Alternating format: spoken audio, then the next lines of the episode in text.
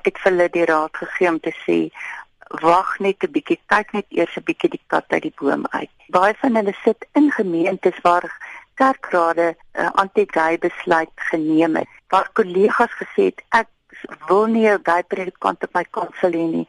Hy's klaar op sy kansel. Maar niemand weet dit nie. Kan jy dink watter spanning so 'n persoon deurgaan omdat hy altyd sy identiteit geheim moet hou. Die geskiedkundige besluit deur die NG Kerk by sy sinode verlede maand het opslae gemaak.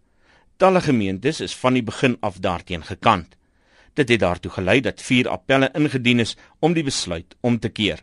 Die moderamen van die kerk vergader vanmiddag tot Woensdag in Edenville om hieroor te besluit, sê die vryskutjoernalis Jan Oosthuizen. Daar's in kerkkringe totaal en al stomme verbasing oor wat hier so gebeur het. En uit die aard van die saak is dit 'n geweldige verleentheid vir die kerk. Dit lyk vir my dat dit maar 'n kerkregtelike saak is wat nou daartoe gelei het dat hierdie hele besluit nou op die ys geplaas is, maar hoe dit verder gaan uitspeel, wie sal maar sien in die stadium lyk dit asof daar geen ander keuse is dat die besluit nou uh, heeltemal lam gelê is totdat daar 'n volgende algemene sinode oor 2 jaar gehou word. Van Logrenberg sê die nuus is vir haar en almal wat jare lank die stryd vir gay stry 'n terugslag. Een van haar kliënte wat verkies om anoniem te bly, sê hy en sy lewensmaat het nou al rug op die kerk gedraai. Ek het nie meer die kerk nodig nie want dit is vir ons net ongelooflik stresvol. Die gay aktivis en die Pinaar sê in teenstelling hiermee dat hy nie bereid is om die kerk te verlaat nie.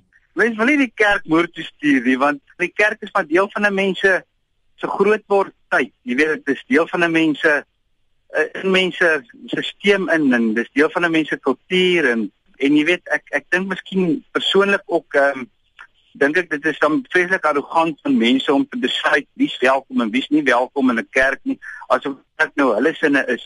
Spectrum kon nie daarin slaag om kommentaar van die moderator Dr Nelis Jansen van Rensburg en die aktuarius Dr Johan van der Merwe teen spertyd te kry nie.